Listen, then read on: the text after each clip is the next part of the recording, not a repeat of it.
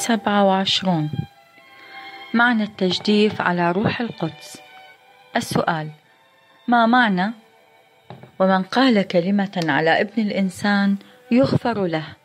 وأما من قال على الروح القدس فلن يغفر له لا في هذا العالم ولا في الآتي. الجواب إن الحقائق المقدسة المظاهر الإلهية مقامين معنويين. أحدهما مقام المظهر نفسه والذي هو بمنزلة كرة الشمس والآخر مقام الظهور والتجلي الذي هو بمثابة النور والكمالات الإلهية والروح القدس. لأن الروح القدس هو الفيوضات الإلهية والكمالات الربانية وهذه الكمالات الإلهية هي بمنزلة شعاع الشمس وحرارتها. والشمس شمس بأشعتها الساطعة ولولا أشعتها الساطعة ما كانت شمسا. ولولا الظهور وتجلي الكمالات الإلهية في المسيح ما كان ليسوع مسيحا. وهو من هذه الجهة مظهر لأن تجلت فيه الكمالات الإلهية.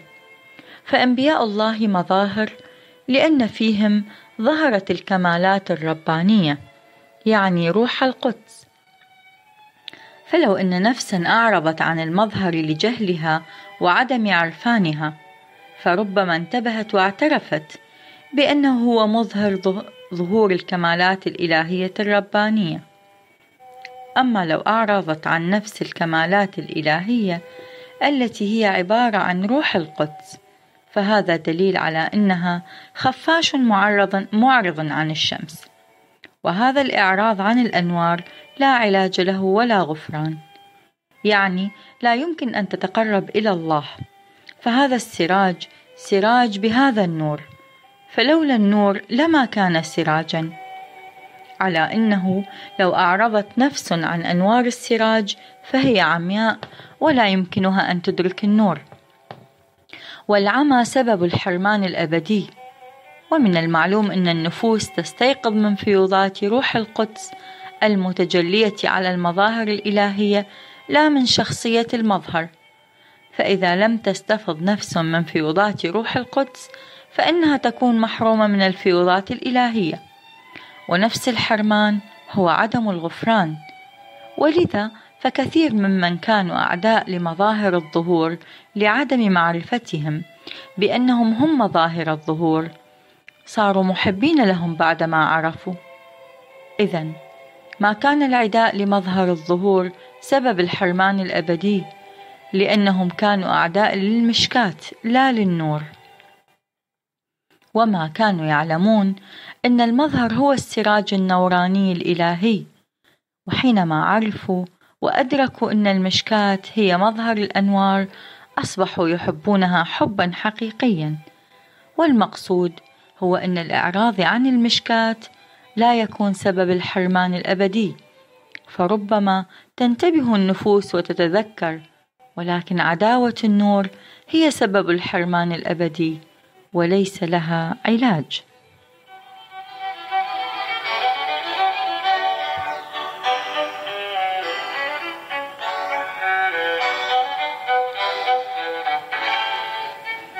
ثماني وعشرون. المدعون كثيرون. والمختارون قليلون. السؤال يقول حضرة المسيح في الإنجيل المدعون كثيرون والمختارون قليلون. ويقول في القرآن يختص برحمته من يشاء. فما حكمة ذلك؟ الجواب اعلم أن نظام الكون وكماله يقتضيان أن يكون الوجود منحلا في صور لا عداد لها. فلهذا لم تكن الموجودات في مرتبة واحدة أو مقام واحد ونمط واحد ولا جنس واحد أو نوع واحد ولا في صورة واحدة بل لا بد من تفاوت تفاوت في المراتب وتمايز في الأصناف وتعدد في الأجناس والأنواع. يعني من المحتم وجود مراتب الجماد والنبات والحيوان والإنسان.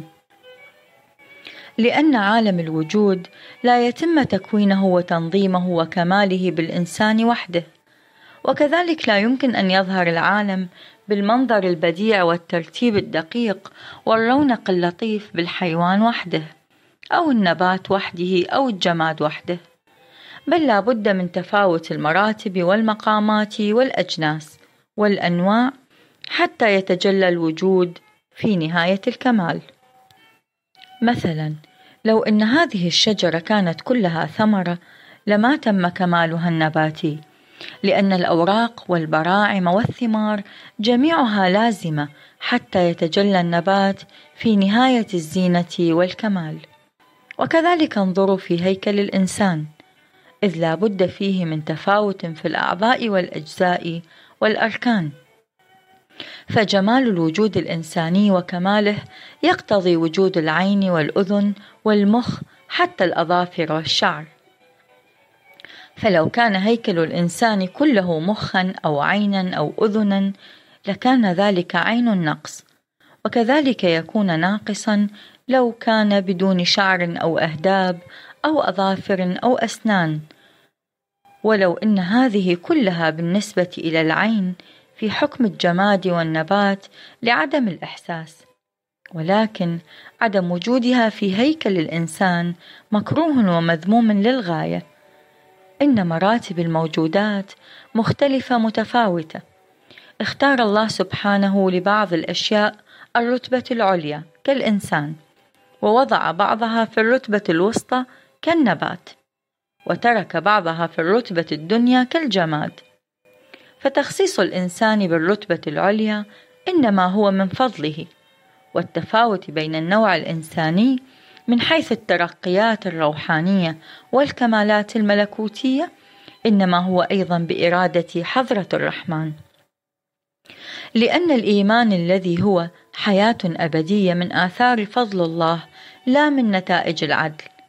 فشعلة نار المحبة إنما هي بقوة الانجذاب لا بالسعي والاجتهاد. في عالم الماء والتراب بل الذي يحصل بالسعي والاجتهاد هو الاطلاع والعلم وسائر الكمالات. إذا فانبعاث الأرواح واهتزازها لا يكون إلا بأنوار الجمال الإلهي وقوته الجاذبة. لهذا يقول المدعوون كثيرون والمختارون قليلون. أما الكائنات الجسمانية ليست مذمومة ومحكومة ومسؤولة في مراتبها ومقاماتها.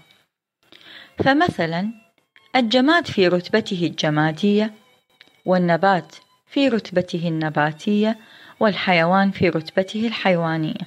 كل مقبول في رتبته. بل تلك الرتب هي عين الكمال ولكنها إذا كانت ناقصة في رتبها. ولم تبلغ حد الكمال فيها فهي مذمومة وغير مقبولة. وأما التفاوت بين النوع الإنساني فهو على قسمين. أحدهما التفاوت من حيث المراتب وهذا التفاوت ليس بمذموم.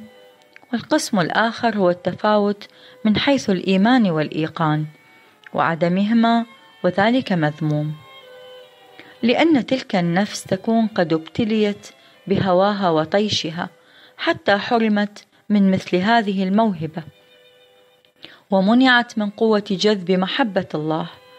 ومع أن الإنسان في رتبته ممدوح ومقبول إلا أنه بحرمانه من كمالات تلك الرتبة يصبح معدن النقائص بناء على ذلك فهو مسؤول.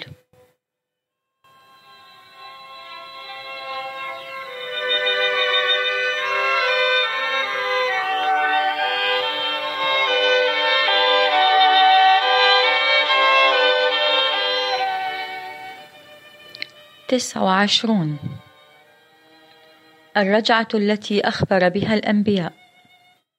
السؤال نرجو بيان مسألة الرجعة. الجواب قد شرح حضرة بهاء الله هذا المطلب في كتاب الإيقان بالتفصيل والوضوح. فارجعوا إليها تتضح لكم حقيقة هذه المسألة جلية. وحيث سألت الآن عن ذلك فسأتكلم باختصار ولنذكر عنوان هذه المسألة من الإنجيل فقد صرح فيه إنه لما ظهر يحيى بن زكريا وكان يبشر الناس بملكوت الله سألوه من أنت؟ هل أنت المسيح الموعود؟ فأجاب لست بالمسيح ثم سألوه أأنت إيليا؟ قال لا.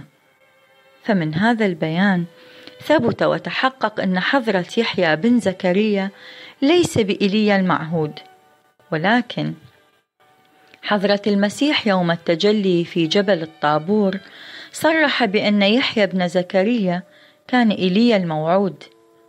ففي الآية أحد عشر من إصحاح تسعة من إنجيل مرقس يقول فسألوه لماذا يقول الكتبة إن إيليا ينبغي أن يأتي أولا.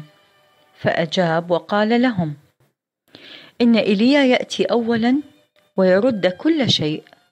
وكيف هو مكتوب عن ابن الإنسان أن يتألم كثيرا ويرذل؟ لكن أقول لكم إن إيليا أيضا قد أتى وعملوا به كل ما أرادوا كما هو مكتوب عنه. وفي إنجيل متى آية ثلاثة عشر إصحاح سبعة عشر يقول حينئذ فهم التلاميذ إنه قال لهم عن يوحنا المعمدان والحال إنهم سألوا يوحنا المعمدان هل أنت إيليا؟ قال لا على أنه في الإنجيل يقول إن يوحنا المعمدان كان نفس إيليا الموعود ويصرح المسيح أيضا بهذا حينئذ كان حضرة يوحنا هو حضرة إيليا فلماذا قال أنا لست إيليا؟ وإن لم يكن هو إيليا فكيف يقول حضرة المسيح إنه كان إيليا؟ إذا لم يكن النظر إلى الشخصية في هذا المقام بل النظر إلى حقيقة الكمالات أي أن تلك الكمالات التي كانت في حضرة إيليا كانت متحققة بعينها في يوحنا المعمدان. وعلى هذا كان حضرة يوحنا المعمدان هو إيليا الموعود.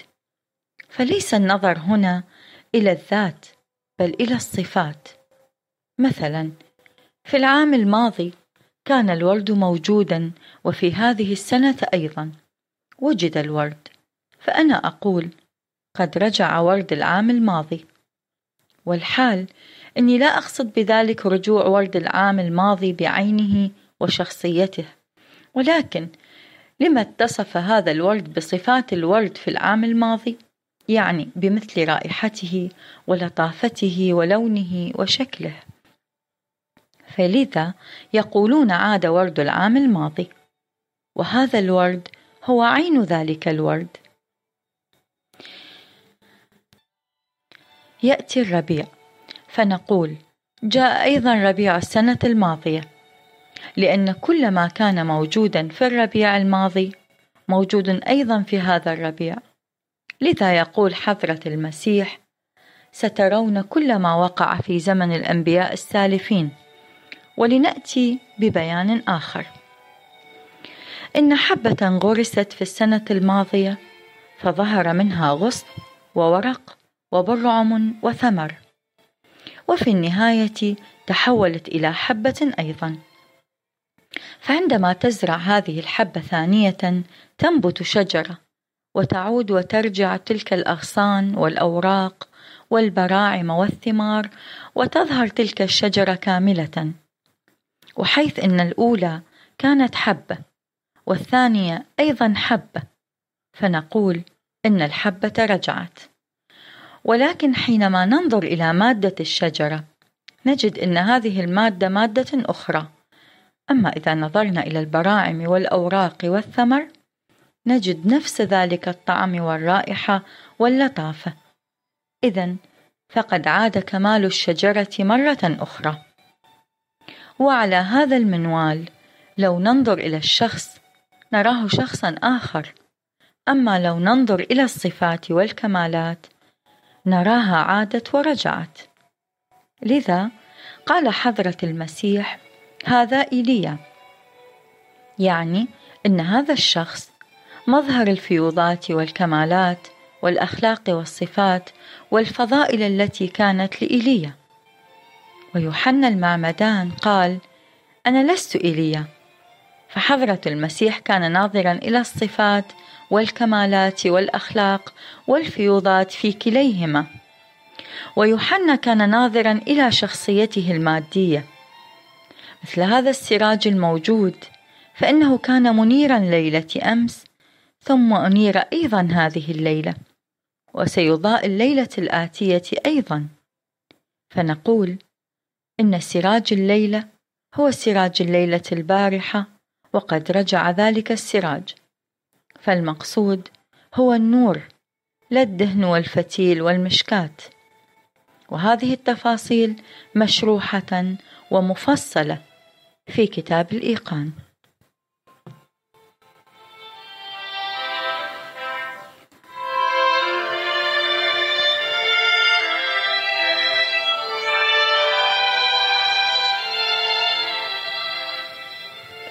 ثلاثون.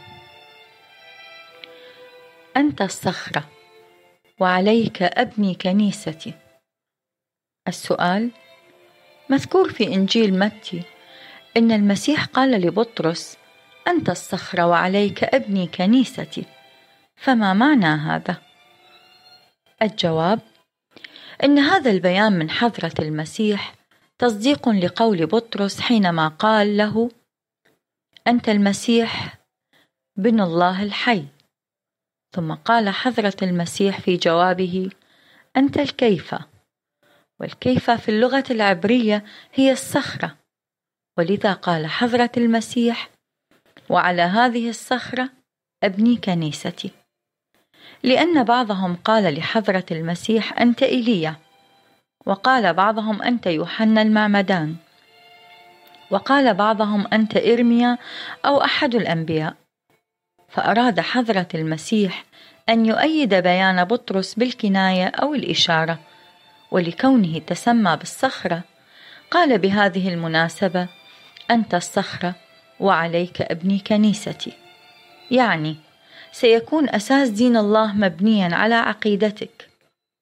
إن المسيح ابن الله الحي وعلى هذه العقيدة سيوضع أساس كنيسة الله التي هي شريعة الله. ووجود قبر بطرس برومية مشكوك فيه وغير مسلم به. غير أن البعض يقول إنه في أنطاكيا. وفضلا عن هذا فلو نطبق أعمال بعض البابوات على شريعة حضرة المسيح نجد أن حضرته كان جائعا عريانا يأكل الحشائش في هذه البرية. وما رضي بتكدير قلب أحد. مع أن البابا يجلس في عربة مرصعة ويمضي أوقاته بنهاية العظمة في جميع الملذات والشهوات وحب الذات والنعمة التي لا يتيسر للملوك مثلها. على أن حضرة المسيح لم يكدر نفسا ولكن بعضا من البابوات قتلوا نفوسا كثيرة بريئة. فارجعوا إلى التاريخ لتعلموا كيف كانوا يعارضون الحقيقة. وكم سفكوا من الدماء محافظة على سلطتهم الزمنية. وكم اضطهدوا وسجنوا. وقتلوا الآلاف من خدام الإنسانية وأهل المعرفة الذين كشفوا أسرار الكائنات. وذلك فقط لمجرد المخالفة في الرأي. وكم كانت معارضتهم شديدة للحقيقة. تأملوا في وصايا حضرة المسيح وتفحصوا في أحوال البابوات وأطوارهم. فهل تجدون أية مشابهة بين وصايا حضرة المسيح وأطوار حكومة البابوات؟ مع أننا لا نحب ذم النفوس والقدح فيها ولكن تاريخ الفاتيكان مملوء بالعجائب. والمقصود من هذا إن وصايا حضرة المسيح شيء وأطوار حكومة البابا شيء آخر وليس بينهما تشابه ما. انظروا كم قتلوا من البروتستانت وكان كله بفتوى البابا. وكم أباحوا من الظلم والجور وكم عذبوا الناس واضطهدوهم. فهل تستشم روائح حضرة المسيح الطيبة الذكية من هذه الأعمال؟ لا والله. فهؤلاء ما أطاعوا المسيح بل إن بربارة القديسة التي صورتها أمامنا قد أطاعت حضرة المسيح واقتفت أثره وأجرت وصاياه. وكان من بين البابوات نفوس مباركة اتبعوا خطوات حضرة المسيح. وعلى الخصوص في القرون المسيحية الأولى التي كانت فيها الأسباب الدنيوية مفقودة والامتحانات الإلهية شديدة. ولكن لما تيسرت أسباب السلطنة وحصلت العزة والسعادة الدنيوية نسيت حكومة البابا المسيح بالكلية واشتغلت بالسلطنة والعظمة والراحة والنعم الدنيوية. وقتلت النفوس وعارضت في نشر المعارف وآذت أرباب الفنون وحالت دون انتشار نور العلم وحكمت بالقتل وشن الغارة وهلك آلاف من النفوس من أهل الفنون والمعارف والإبرياء في سجن رومية. فكيف مع وجود هذا السلوك وتلك الأعمال يكون البابا خليفة حضرة المسيح؟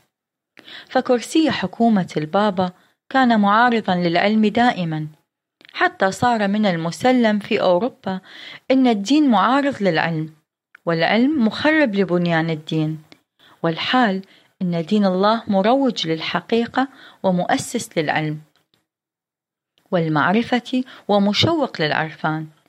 وهو أس المدنية للنوع الإنساني وكاشف لأسرار الكائنات ومنور للآفاق. بناء على ذلك فكيف يعارض العلم؟ أستغفر الله عن ذلك. أجل إن العلم لدى, لدى الله أفضل ميزة للإنسان وأشرف الكمالات البشرية. فمعارضة العلم جهل وكاره العلوم والفنون ليس بإنسان. بل هو حيوان لا شعور له لأن العلم نور وحياة وسعادة وكمال وجمال ووسيلة التقرب لدى عتبة الأحدية وشرف العالم الإنساني وأعظم موهبة إلهية. فالعلم حقيقة الهداية والجهل عين الضلالة. طوبى للذين يصرفون أيامهم في تحصيل العلوم وكشف أسرار الكائنات والتدقيق في الحقيقة. وويل للذين يقتنعون بالجهل والغفلة وتنشرح قلوبهم بالتقاليد وهم ساقطون في أسفل دركات الجهل والذهول. وأعمارهم ذاهبة أدراج الرياح.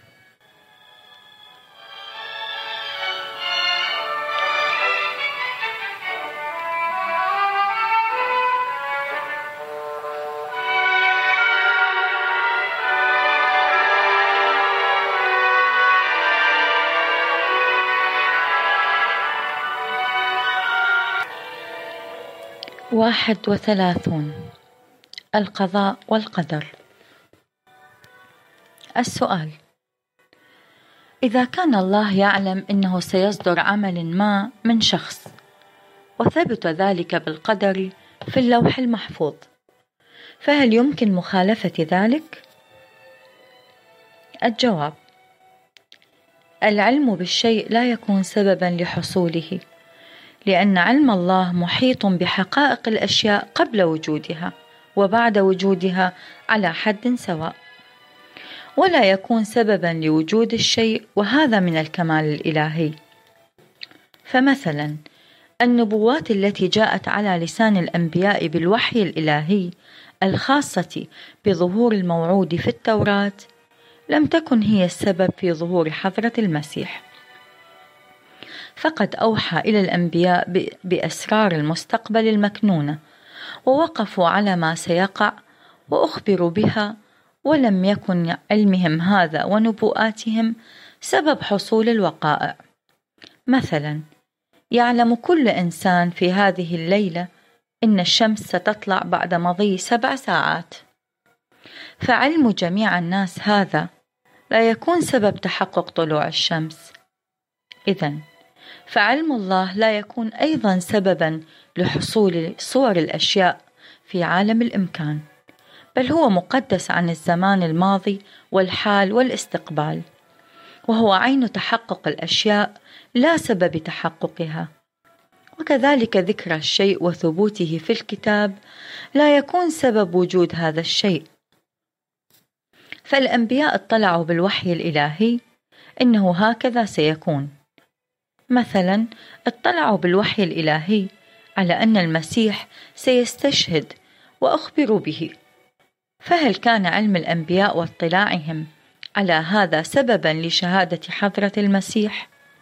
لا، بل هذا الاطلاع كمال للأنبياء لا سبب حصول الشهادة.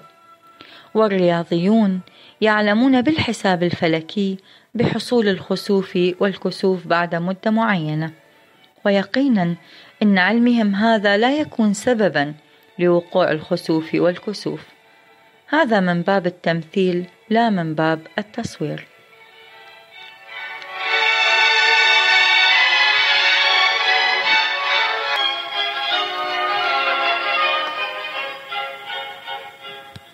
القسم الثالث المقالات المتعلقة بكمالات المظاهر المقدسة الإلهية وحالاتهم. اثنان وثلاثون. لا تعرف الإلوهية إلا بواسطة المظاهر الإلهية.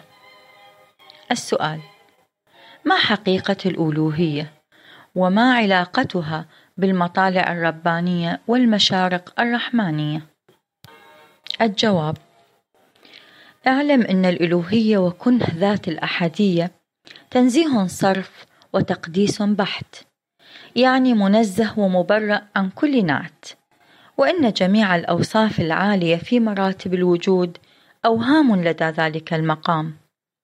غيب منيع لا يدرك وذات بحت لا يوصف لأن الذات الإلهية محيطة وجميع الكائنات محاط.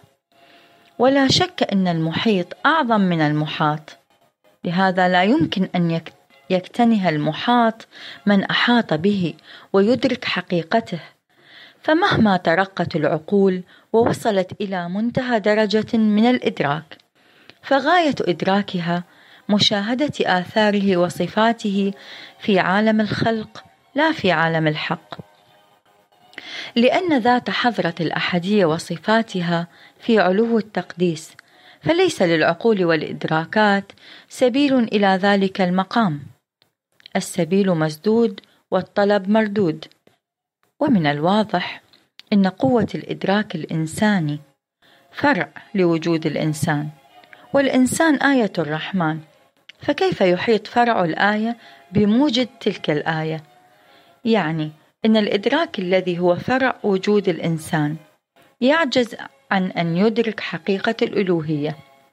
لهذا فتلك الحقيقة الإلهية مخفية عن جميع الإدراكات ومستورة عن عقول جميع البشر والصعود إلى ذلك المقام ممتنع محال. ونحن نرى إن كل دان عاجز عن إدراك حقيقة ما فوقه. مثلا إن الحجر والمدر والشجر مهما ترقى لا يقدر على إدراك حقيقة الإنسان ولا يتصور البصر والسمع وسائر الحواس مع أن جميعها مخلوق. فكيف إذا يهتدي الإنسان المخلق إلى إدراك حقيقة ذات الخالق المقدس؟ فليس للإدراك في هذا المقام سبيل ولا للبيان طريق ولا للإشارة مجال.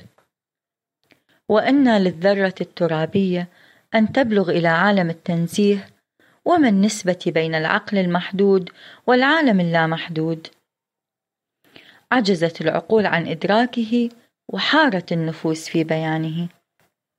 لا تدركه الأبصار وهو يدرك الأبصار وهو اللطيف الخبير.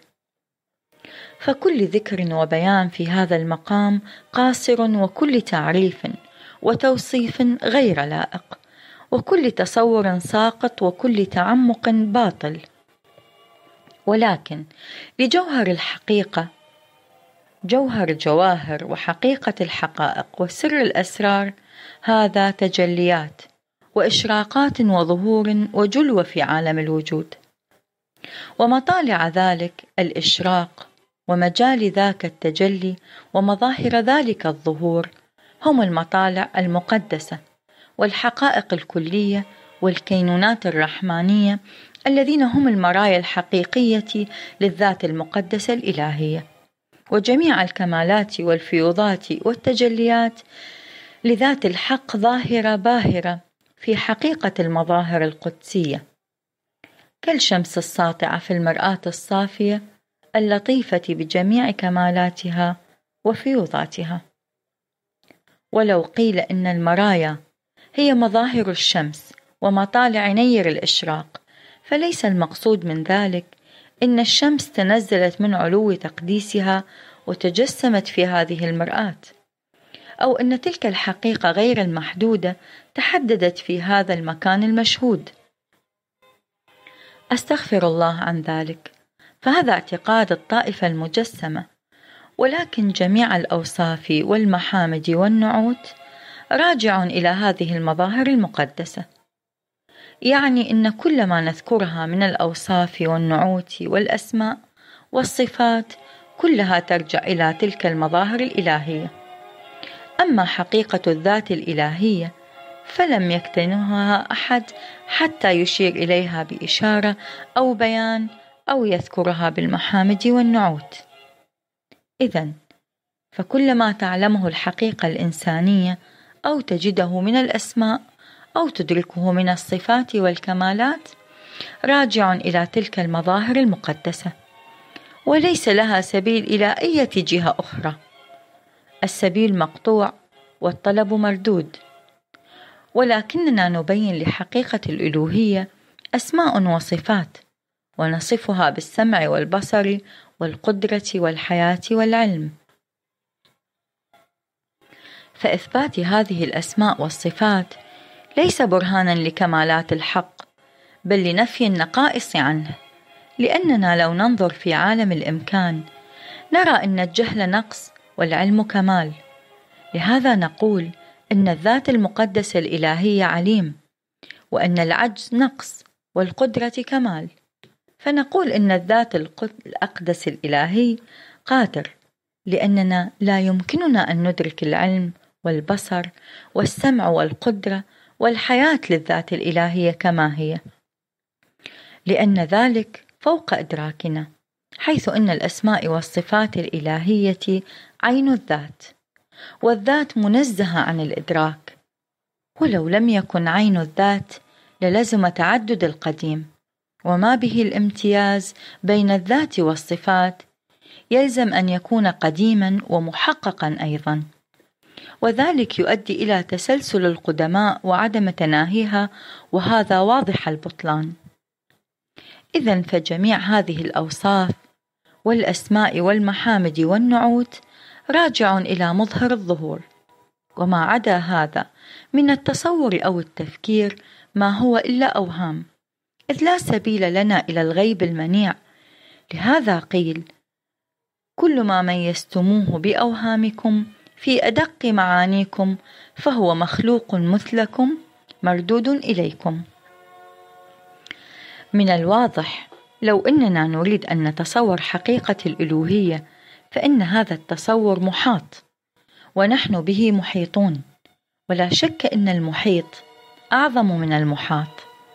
فثبت من هذا واتضح أن تصورنا لحقيقة الألوهية في غير المظاهر المقدسة أوهام محضة إذ ليس إلى حقيقة الألوهية التي تعبر بالمنقطع الوجداني سبيل وكل ما يدخل تحت تصورنا أوهام. وعلى هذا فانظر كيف أن طوائف العالم تطوف حول الأوهام وعبدة أصنام التصور والأفكار وهم لا يعلمون. يعدون أوهامهم حقيقة مقدسة عن الإدراك ومنزهة عن الإشارات. ويحسبون أنفسهم من أهل التوحيد ويعتبرون سائر الملل, سائر الملل من عبدة الأوثان. والحال إن الأصنام لها وجود جمادي محقق. أما أصنام الأفكار وتصورات الإنسان فهي أوهام محضة بل لا وجود لها أيضا في عالم الجماد. فاعتبروا يا أولي الأبصار. واعلم أن الصفات الكمالية وجلوة الفيوضات الإلهية وأنوار الوحي ظاهرة باهرة في جميع المظاهر المقدسة. ولكن لكلمة الله الكبرى حضرة المسيح والاسم الأعظم حضرة بهاء الله ظهور وبروز فوق التصور لأنهما كانا حائزين لجميع كمالات المظاهر السابقة. وأحرزا فوق ذلك الكمالات التي تجعل سائر المظاهر الأخرى تابعة لهما. مثلا إن جميع أنبياء بني إسرائيل كانوا مظاهر الوحي وكان حضرة المسيح مهبط الوحي أيضا. ولكن أين وحي كلمة الله من إلهام إشعيا وإرميا وإيليا؟ لاحظ أن الأنوار عبارة عن تموجات المادة الأثيرية التي يتأثر بتموجاتها عصب البصر. وبها يحصل الإبصار. فنور السراج يحصل من تموجات المادة الأثيرية. ومن ضوء الشمس تكون أيضا تموجات المادة الأثيرية. ولكن أين نور الكواكب والسراج من نور الشمس؟ وأين للروح الإنساني في رتبة الجنين جلوة وظهورا؟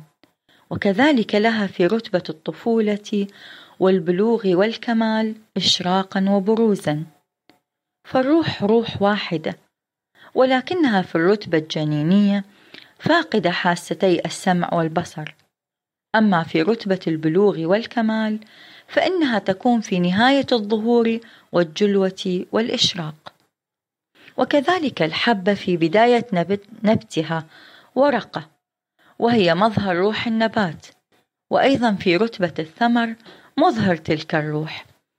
يعني أن تلك القوة النامية ظاهرة فيها بمنتهى الكمال. ولكن أين مقام الورقة من مقام الثمر؟ لأن في الثمر تظهر مائة ألف ورقة. ولو أن الكل ينمو وينشأ بروح واحدة نباتية. دقق النظر. ما أبعد البون بين فضائل وكمالات حضرة المسيح وإشراقات وتجليات حضرة بهاء الله وبين فضائل أنبياء بني إسرائيل مثل حسقيل وصموئيل. فمع أن الكل مظاهر الوحي إلا أن الفرق بينهم لا يتناهى. والسلام.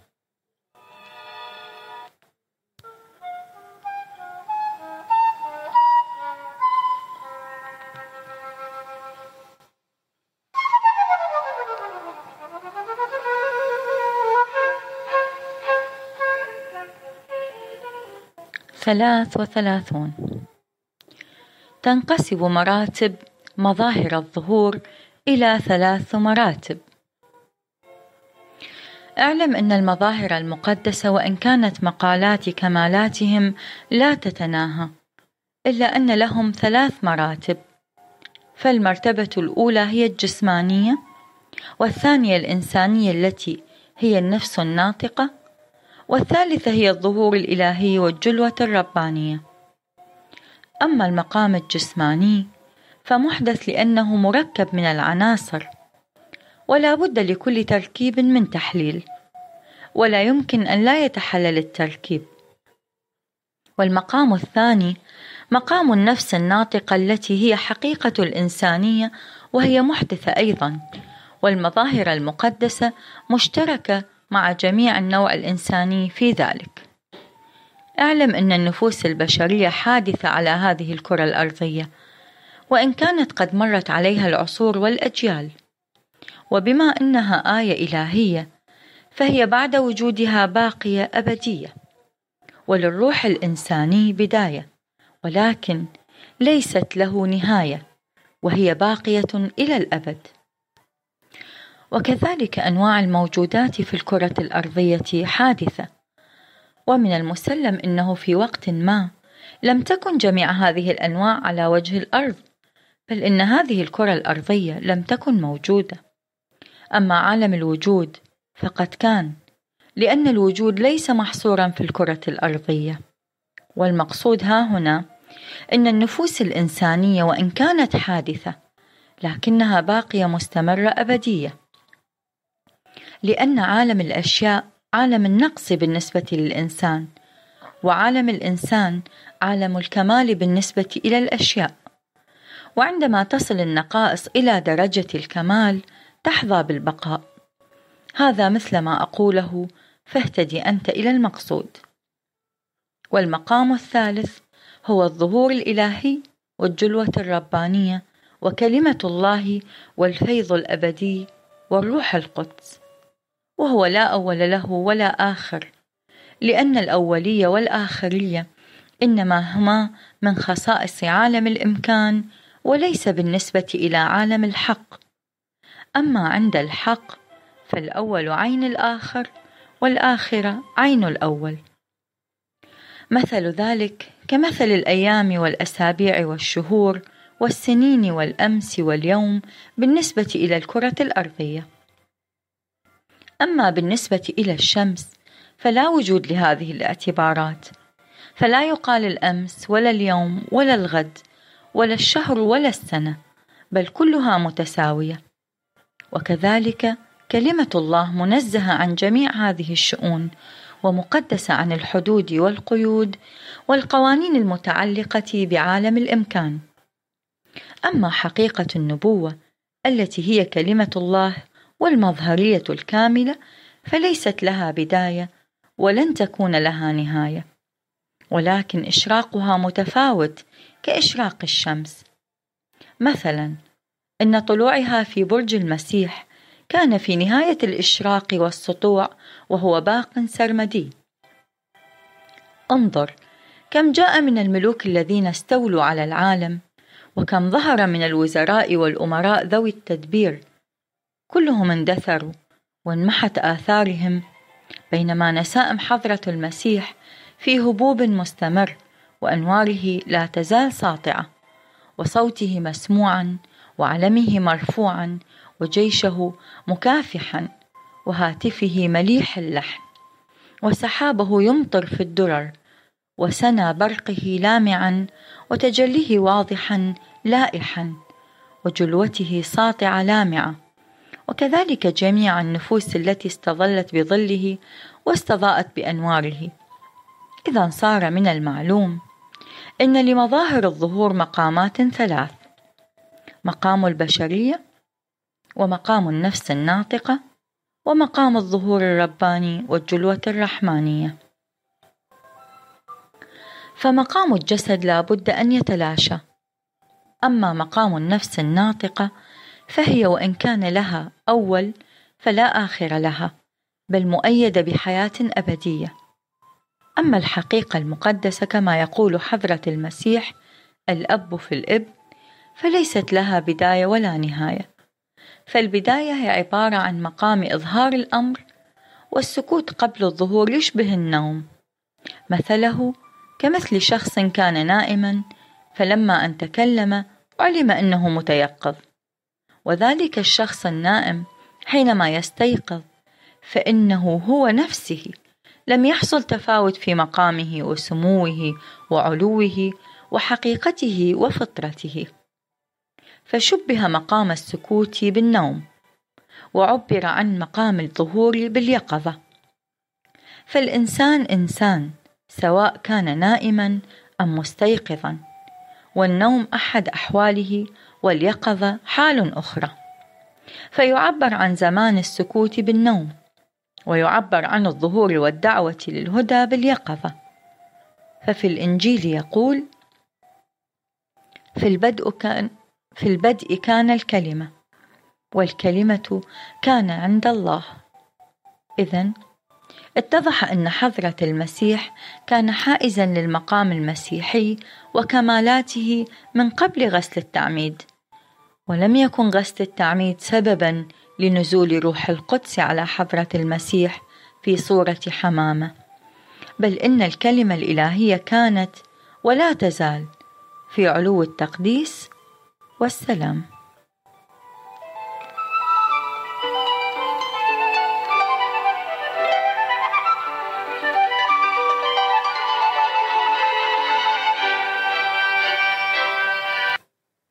أربعة وثلاثون. في بيان المراتب الجسمانية والروحانية لمظاهر الظهور. سبق أن قلنا أن لمظاهر الظهور مراتب ثلاث. الأول الحقيقة الجسمانية التي تتعلق بهذا الجسد والثاني الحقيقة الشاخصة أي مشخصة أي النفس الناطقة والثالث الظهور الرباني وهو الكمالات الإلهية وسبب حياة الوجود وتربية النفوس وهداية الخلق ونورانية الإمكان. فمقام الجسد مقام البشرية وهو يتلاشى لأنه تركيب عنصري وما يتركب من العناصر لا بد من تحليله وتفريقه. أما الحقيقة الشاخصة للمظاهر الرحمانية فهي حقيقة مقدسة لأنها من حيث الذات والصفات ممتازة عن جميع الأشياء. مثلا إن الشمس من حيث الاستعداد تقتضي الأنوار ولا تقاس بالأقمار.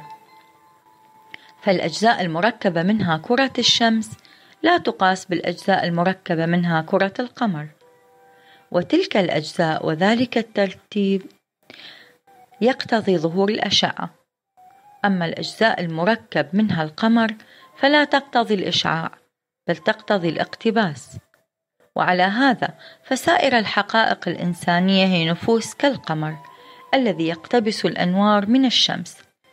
أما تلك الحقيقة المقدسة فهي مضيئة بنفسها. والمقام الثالث هو نفس الفيض الإلهي وجلوة جمال القديم وإشراق أنوار الحي القدير.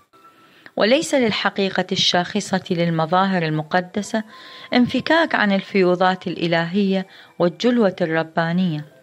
لهذا فصعود المظاهر المقدسة عبارة عن تراكم هذا القالب العنصري كالسراج المتجلي في هذه المشكات ينقطع شعاعه منها عند تلاشيها. أما فيض السراج فلا ينقطع. وبالاختصار فالفيض القديم في المظاهر المقدسة بمثابة السراج والحقيقة الشاخصة بمثابة الزجاج والهيكل البشري بمثابة المشكاة فلو تحطمت المشكاة فالمصباح مضيء والمظاهر الإلهية هم مرايا متعددة لأنهم ذوي شخصية مخصوصة. أما المتجلي في هذه المرايا فهي شمس واحدة ومن المعلوم أن الحقيقة المسيحية غير الحقيقة الموسوية. ولا شك أن الحقيقة المقدسة واقفة على سر الوجود. من البداية وآثار العظمة ظاهرة واضحة فيها من سن الطفولة. فكيف لا يكون لها الشعور حينئذ مع وجود هذه الفيوضات والكمالات؟ قد ذكرنا للمظاهر المقدسة ثلاث مقامات مقام الجسد والحقيقة الشاخصة والمظهرية الكاملة مثل الشمس وحرارتها وضيائها. ولسائر النفوس أيضا مقام الجسد ومقام النفس الناطقة أي الروح والعقل.